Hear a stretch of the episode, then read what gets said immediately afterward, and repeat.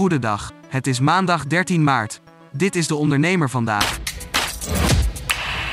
Het aantal faillissementen is in februari weer opgelopen, na een daling in januari. In februari werden volgens het CBS 49 bedrijven meer failliet verklaard dan in januari. Dat is een stijging van 21%. Dat meldt het Centraal Bureau voor de Statistiek. Relatief gezien werden er in februari de meeste faillissementen uitgesproken in de horeca. Het aantal faillissementen bleef ondanks de toename laag vergeleken met de periode voor het uitbreken van corona. Biologische producten liggen voor een te hoge prijs in de schappen vergeleken met niet duurzaam geproduceerd eten en drinken. Dat zegt de Vereniging van Biologische Boeren en Tuinders Biohuis. Supermarkten zouden volgens de belangenbehartiger meer biologische producten kunnen verkopen voor een lagere prijs als winkels hun winst op deze producten in eurocenten bepalen, stelt de vereniging.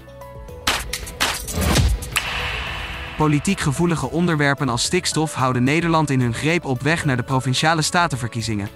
Voortgang op onder meer dit dossier is uiterst moeizaam, maar moet de komende maanden wel worden geboekt. Het is opmerkelijk dat zowel Rutte als Hoekstra, van twee coalitiepartijen, daarom openlijk ingaan op de kans van een kabinetscrisis. Ze deden deze uitspraken bij WNL op zondag en Buitenhof. Meer op onze website. Sportschoolketen Basic Fit rekent ondanks hogere prijzen op verdere klantengroei.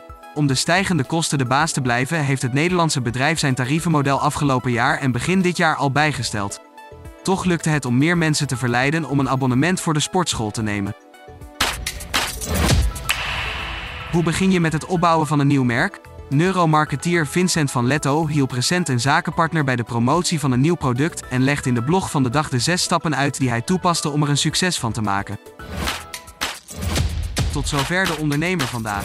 Wil je meer? Ga naar deondernemer.nl.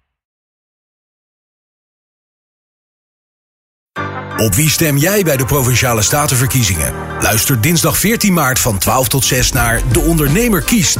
Live vanuit Den Haag op Nieuw Business Radio. Met ondernemers en politici die je helpen de juiste keuze te maken. De Ondernemer kiest is een samenwerking tussen De Ondernemer, het AD, ONL en Nieuw Business Radio.